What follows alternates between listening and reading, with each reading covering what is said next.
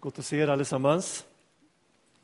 Eh, låt mig säga först att mina förberedelser inför den här predikan har varit lite annorlunda än vad det brukar vara.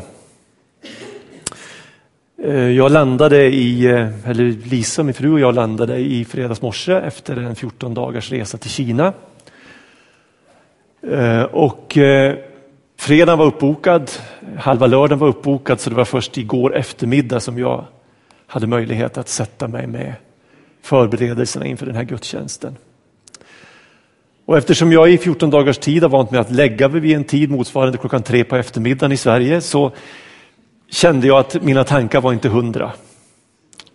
Så vid åtta, nio tiden igår kväll så kände jag att det här är inte fruktbart. Jag behöver sova. Och så vaknade jag klockan fyra i morse och gick upp och satte mig med Bibeln och mina friska morgontankar och samlade mig inför den här förmiddagen. Och jag tror att jag har fått ett budskap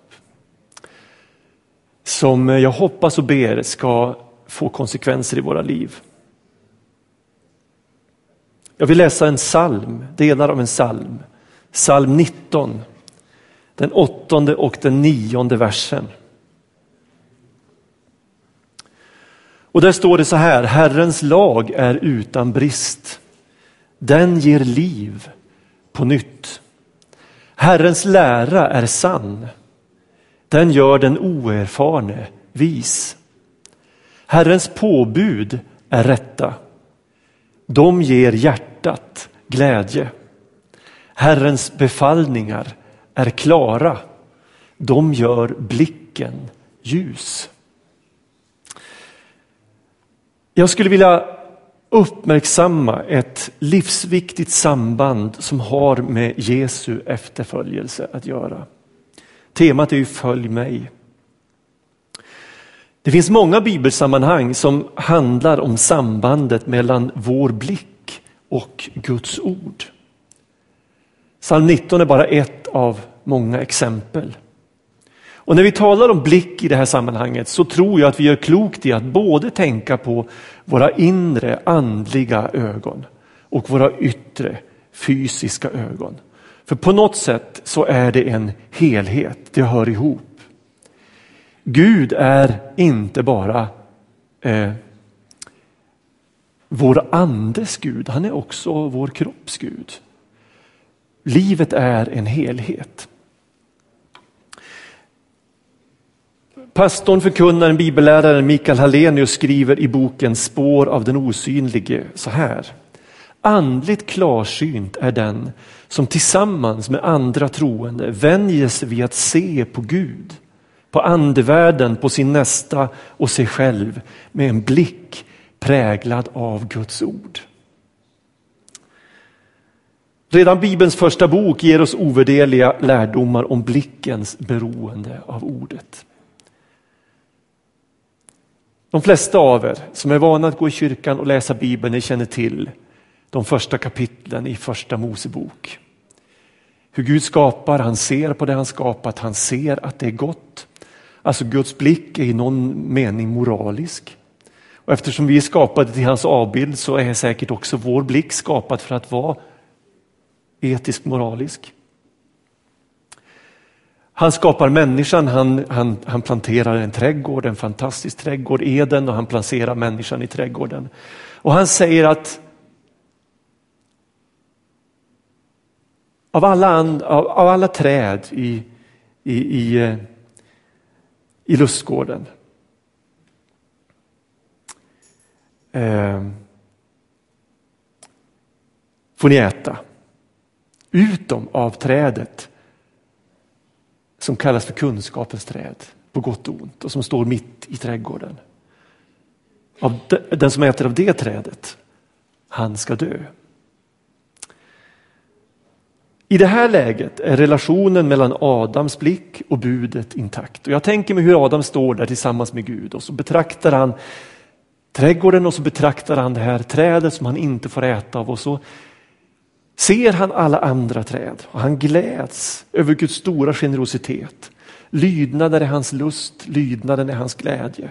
Han är fri. Nakenheten är en självklarhet. Luften är ljummen, det är underbart i Eden. Jag tror inte att det finns i Adams tanke att han överhuvudtaget skulle ens närma sig det där trädet i mitten som han inte får äta av. Han berättar för Eva, vi får utgå för att han gör det, kanske slarvar han, jag vet inte, men han berättar i alla fall vad Gud har sagt för Eva. Men ormen som i det här sammanhanget står för djävulen själv, djävulen är skepnad av en orm, viskar i Evas öra. Har Gud verkligen sagt att ni inte får äta av några av trädgårdens träd? Och då svarar Eva, ja, vi får äta från träden, men om frukten från trädet mitt i trädgården har Gud sagt, ät den inte och rör den inte. För gör ni det kommer ni att dö. Ormen säger, ni kommer visst inte att dö. Men Gud vet att den dag ni äter av frukten öppnas era ögon och ni blir som gudar med kunskap om gott och ont. Och kvinnan såg att trädet var gott att äta av. Det var en fröjd för ögat och ett härligt träd eftersom det skänkte vishet. Och så äter hon av frukten och hon bjuder också Adam som äter av frukten. Och så märker vi hur djävulen frestar Eva och han gör det med ett vidgat synfält. Han säger inte kommer ni att dö, ni kommer bara att få ett vidgat synfält. Ni kommer att kunna tolka verkligheten på ett annat sätt. Ni får en annan tolkningsnyckel, ni kommer att förstå gott och ont. Och så sår han tanken hos Eva att tänk om jag missar någonting om jag håller mig till ordet, till budet, till vad Gud har sagt. Och när allting är ett faktum så säger Gud, vad är det ni har gjort? Och ända sedan dess har människan, människans blick varit förmörkad. Och hennes längtan, hennes hunger, hennes törst efter ljus har varit som en förtärande eld. Människan söker förtvivlat efter kopplingen som ska göra att hon förstår och ser och kan tolka tillvaron. Jag tror att jag ska sticka emellan med en enkel religionslektion. Jag tror att vi har nytta av att ibland eh, påminna oss om de grundläggande sakerna i världens religioner. Som jag sa så landade vi här i Lidköping i fredags. Jag och min fru vi kom hem från Kina. Detta oerhörda och komplexa land i öster med 1,4 miljarder människor. Fyra gånger USAs befolkning, världens största ekonomi. Det är en hisnande tanke att var femte människa på jorden är kines. Vilket innebär att kanske 30 40 40 människor här inne borde vara kineser. Eftersom de inte är det så måste det vara trängre någon annanstans. Vi besökte vår äldste son med familj som bor i Kunming i sydvästra Kina, Yunnan-provinsens huvudstad. De har bott där i fem år. En stad som enligt inofficiella siffror rymmer ungefär Sveriges befolkning. Nio miljoner människor. Till ytan är Kina världens fjärde land i storlek, hälften så stort som Ryssland och, och bara marginellt mindre än Kanada och USA. Religiöst är Kina inte spe speciellt homogent. Regimen är officiellt oreligiös, som ni säkert förstår. Kina har en växande sekulär befolkning i spåret av en ökad materialism. Det finns ofantligt rika människor i Kina. Ofantligt många nyrika människor, unga människor. Gammal folktro byggd på spådom och dyrkan av förfäder har fortfarande ett starkt grepp om befolkningen. Jag såg en siffra på upp mot 50 procent. Hos många andra är folktron uppblandad med taoism som är en religiös och filosofisk klosterrörelse med traditioner från 500-talet före Kristus. Buddhismen är den, den av de stora världsreligionerna som har flest anhängare i Kina.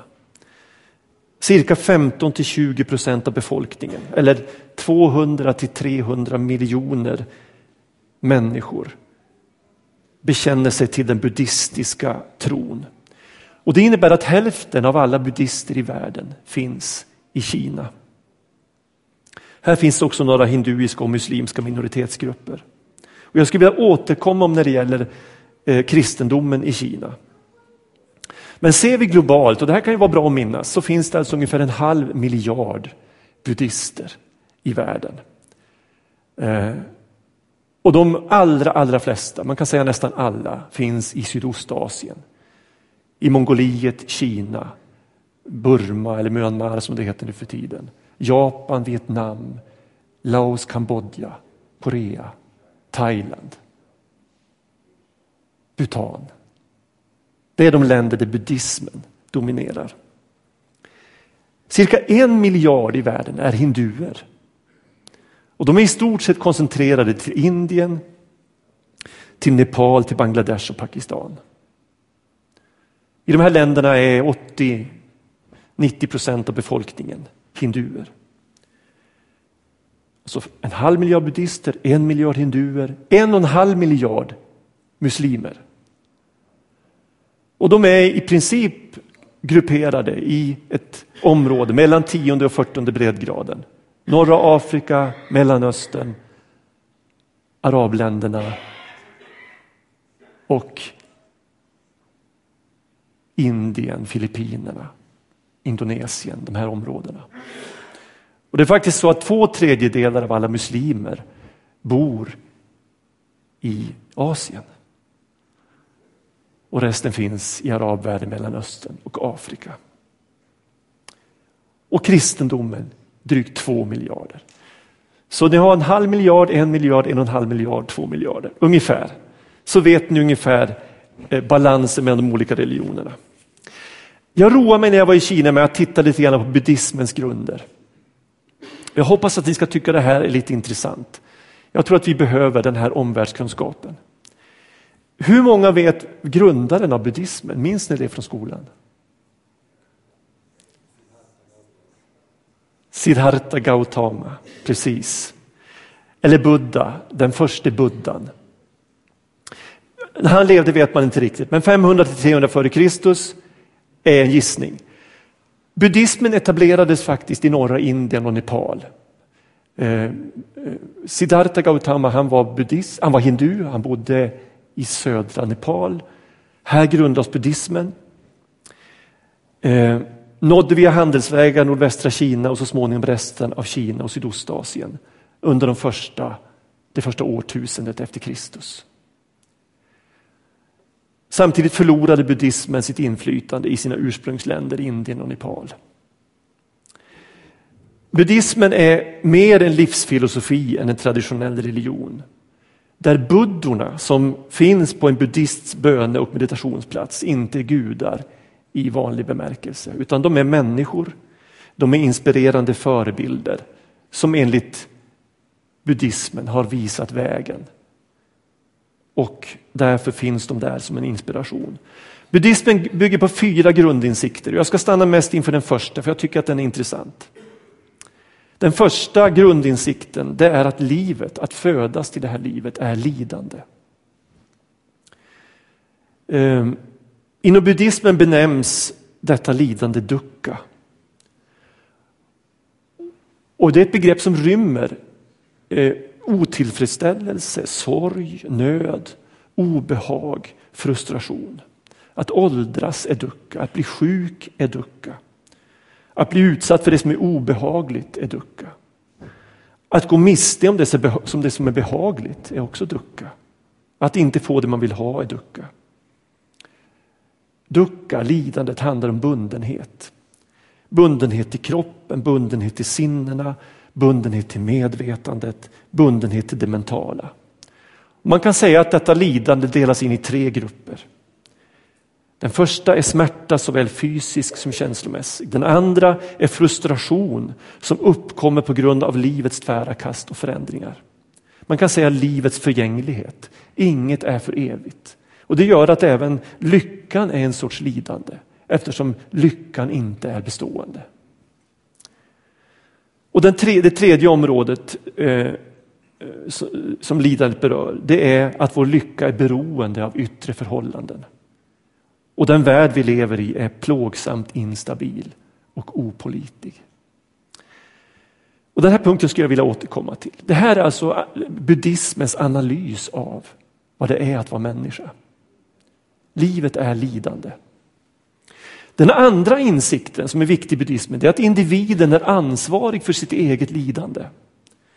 Hon orsakar sin egen karma som påverkar hennes fortsatta liv. Tredje insikten det är att om det här starka begäret som bäst beskrivs som en törst orsakar ducka, alltså lidande, så innebär det att man kan få slut på lidandet. Och man kan få slut på törsten. Och det är bara möjligt om man utrotar orsaken till törsten, som är okunnigheten. Det fullständiga slutet på lidandet är nirvana som innebär slutet på återfödelsens kretslopp. Och det innebär ett tillstånd bortom både existens och icke-existens enligt buddhismen. Och den fjärde insikten, det är att en buddhists väg till detta utslocknande till nirvana, är den åttafaldiga vägen. Och det är en sorts mix av tro, moral, meditation och visdom. Så här lever alltså en halv miljard av världens befolkning. Buddhismens analys av människans livsvillkor, att livet är lidande, är ju på många sätt både realistisk och i överensstämmelse med alla övriga religioner, inklusive kristendomen. En stor del av världens befolkning kan skriva under på att jorden är en tåredal. Livet är ett lidande. Så mycket av tillvaron kännetecknas av sorg och av kamp för att överleva. Jag kan själv skriva under på det mesta i den analysen när jag försöker blicka ut över världen och se hur ser det ut. Buddhismens försök till svar på människans lidande, på människans otillfredsställelse, på hennes bundenhet och hennes törst är också densamma som i det allra flesta religioner. Med undantag för kristendomen. Vi kan kalla det för en förhoppning om självfrälsning. Det vill säga människan är hänvisad till sig själv, till sin egen ansträngning för att försöka bli fri. I själva verket är alla dessa vägar som religionen erbjuder mer ett uttryck för människans intensiva längtan efter ljus, efter en klar blick, efter frälsning, än verkliga vägar till frihet. Alltså religionen är ett uttryck för längtan, den är ett uttryck för en hunger. Och det är en förhoppning att kunna bli fri på något sätt. Religionen lovar mycket men håller lite. Inom buddhismen leder till exempel all denna religiösa ansträngning till en föreställning om ett i det närmaste oändligt antal återfödelser. Orsakade av min karma. Jag kan återfödas på nivåer alltifrån, alltifrån tidsbegränsade himlar via människor till djur till helvetestillvaro, också tidsbegränsad. Demoner. Allt det här rymmer återfödelsens spektra. Liksom. Och några få, läs buddor, lyckas bryta detta kretslopp och slippa denna i stort sett oändliga radda av återfödelser. Alltså människan hänvisar till sig själv, söker frälsning genom egna ansträngningar och misslyckas gång på gång. Detta är religion i den här världen. Det är religion i ett nötskal. Världen dignar under hopplöshet och osläckt törst. Vi famlar i blindo, oavsett om vi vill se det eller inte. Våra ögon behöver ett annat ljus. Ett ljus från en källa större än oss själva. Och låt mig tillägga, och det här tycker jag är viktigt, att mörkast av mörkt, det är den högmodiga materialismen i västvärlden. Som säger att tillvaron är tvådimensionell och att den andliga verkligheten är en fantasi. Och det är en av hemligheterna till att västerländets människor som av olika anledningar har förkastat den kristna kyrkan men längtar efter andlighet söker sig till österlandets religioner. Avsaknad av andlighet är inte mänsklighetens befrielse utan den slutgiltiga återvändsgränden. Ingen är så blind och vilseledd och fattig som den materiella, materialistiska människan. Det är till den här vilsna mänskligheten som Gud sänder sitt kärleksbrev, sin egen son. Jesus säger följ mig. Jag är världens ljus. Den som tror på mig ska inte famla i mörker. Jag sa att jag skulle återkomma till Kina och kristendomens påverkan där. Glädjande nog formligen exploderar den kristna tron och den kristna kyrkan i Kina. Jag läste en artikel i Svenska Dagbladet som visserligen hade ett par år på nacken. Att under de senaste 30 åren så har kyrkan i Kina varit den snabbast växande delen av kristenheten i världen. Uppskattning, uppskattningarna på antalet kristna kineser idag varierar våldsamt. Men med toppar på upp mot 150 miljoner kristna. Den siffran skulle innebära att det i landet finns dubbelt så många kristna som medlemmar i kommunistpartiet. 100 miljoner är säkert en högst realistisk siffra. Och det skulle innebära att det bara är USA, Brasilien, Ryssland och Mexiko som har fler kristna än vad Kina har. Man räknar med att så många som 30 000 om dagen eller 10 miljoner varje år har kommit till tro i Kina de senaste åren. Vad är hemligheten till den här explosionen av evangelisk framgång i det här landet med sån gigantisk rik historia? Ja, Jesus är inte bara en förebild som visar vägen. Han är inte lik en Buddha som jag har som någon form av exempel. Utan Jesus är vår frälsare. Jesus föregriper våra fruktlösa ansträngningar och tar, tar bördan på sig, lidandet. När han ger sitt liv på korset. Han fullbordar det ingen människa hänvisad till sig själv och sin egen inneboende kraft kan åstadkomma. Han gör det vi har misslyckats med. Jesus kallas i första Korinthierbrevet för den siste Adam eller den andra Adam. Där den första Adam misslyckades, där lyckas Jesus. Det står om Jesus att han var lydig hela vägen, ända till korset. Ända till döden. Hans blick var ogrumlad och orubbligt trogen ordet. Hela vägen. Han säger vid ett tillfälle, jag kan inget göra av mig själv. Utan bara det jag ser Fadern göra. Det var det som kännetecknade den andra Adam, den siste Adam. Och det innebär, enligt Paulus i första Korinthierbrevet 15 och 26, liksom alla dör i Adam. Alltså den förbannelse som har plågat mänskligheten genom årtusenden. Liksom alla dör genom Adam, så ska också alla få nytt liv genom Kristus. Det vill säga, kunde vi ärva död genom den första Adam så kan vi ärva liv genom den andra Adam. Genom hans seger. Och här finns ett löfte om en helad blick och ett återupplyst, återupplyst hjärta. När Jesus säger följ mig så kan vi välja att tänka på honom på två sätt. Vi kan välja att tänka på honom som vår frälsare och vi kan välja att tänka på honom som vår förebild. Som frälsare följer jag honom därför att det är min enda chans att bli räddad och nå målet. Och jag får göra Paulus ord till mina, jag får säga till mig själv av nåd är jag frälst. genom tron. Inte av mig själv. Guds gåva är det. Det beror inte på mina gärningar.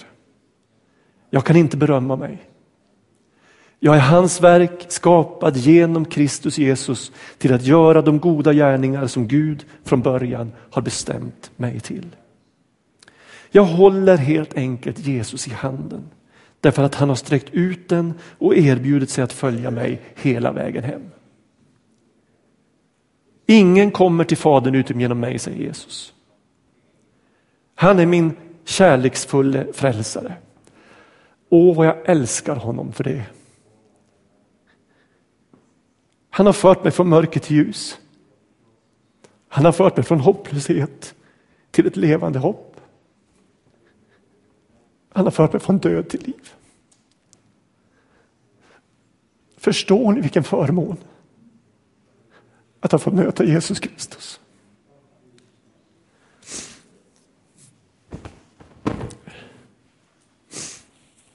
Be om ursäkt.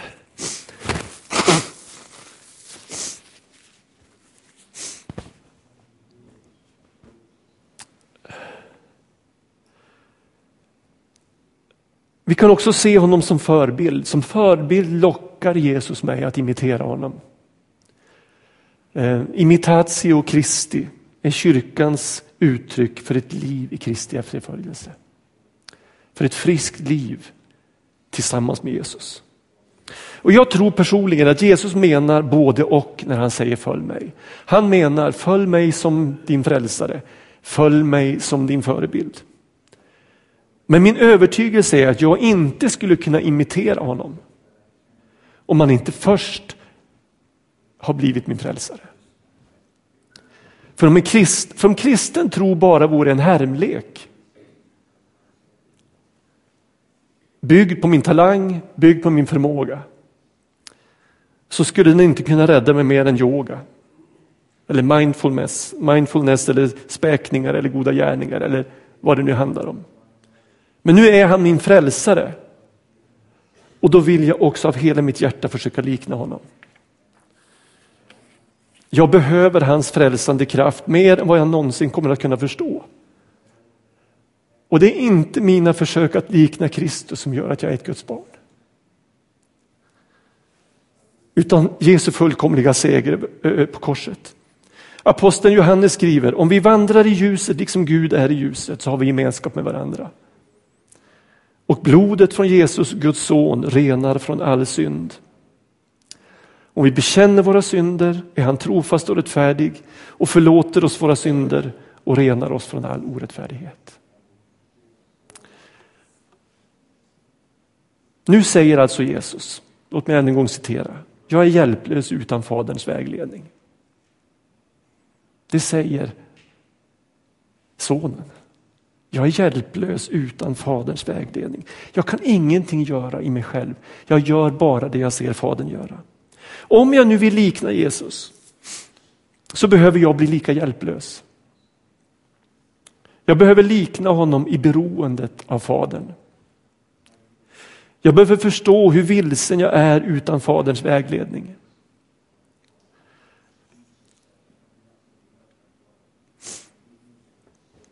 Är det den likheten i beroende som kännetecknar ditt och mitt liv? Avspeglar vår bibelläsning, vår kärlek till ordet, nivån av vårt beroende av Fadern? Kärleken till Bibeln behöver väckas i våra liv. Och i sambandet mellan blicken och ordet som jag berörde i början, så hittar vi en oerhört stark motivation till att åter bli läsare. Läser vi inte Bibeln så blir vi blinda och vilsna.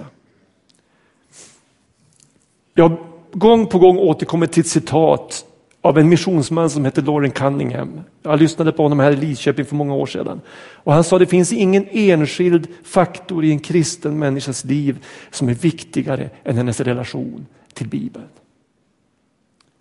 Vår blick är nämligen beroende av Bibelns ljus. Blicken och ordet hör ihop. Det gäller både, både, både våra inre andliga ögon och det gäller våra yttre fysiska ögon. Blicken utan ordet är som ögat utan synnerv. Synnerven överför visuell information mellan näthinnan och hjärnan. Och utan ordet blir det grumligt och mörkt inom oss. Det gäller både våra inre andliga ögon, det gäller våra yttre fysiska ögon. Jesus säger i Matteus 6, kroppens lampa är ögat. Om ditt öga är ogrumlat får hela din kropp ljus. Men om ditt öga är fördärvat blir det mörkt i hela din kropp. Om nu ljuset inom dig är mörket, mörker, hur djupt blir då inte mörkret? Låt mig till sist ta exempel ur Jesu eget liv och visa på kopplingen mellan blicken och ordet. Jag vill ta exemplet när Jesus frestas. Vi läser om det här i Lukas 4. Jesus har blivit döpt av Johannes döparen. Han har hört rösten från himlen som har sagt du är min älskade son, du är min utvalde. Han har fått himlens bekräftelse, han har uppfyllts av anden. Fylld av Guds ande har han dragit ut i öknen. Han har vistats där i 40 dagar. Och nu efter 40 dagar så plågar hungern honom. Och han frestas av djävulen. Och det är samma, samma frestelse som mötte de första människorna. En, en lockelse att betvivla Guds tilltal. Om du är Guds son Här hänvisar djävulen till rösten från himlen i Jesu dop. Om du är Guds son, så befall de här stenarna och så pekar han. Jesus ser. Befall den här stenen att bli bröd.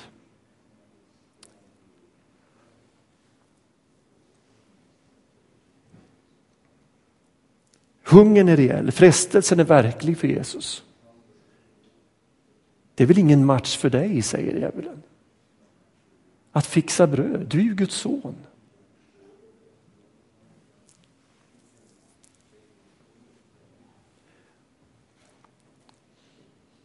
Men ordet får Jesus att se klart.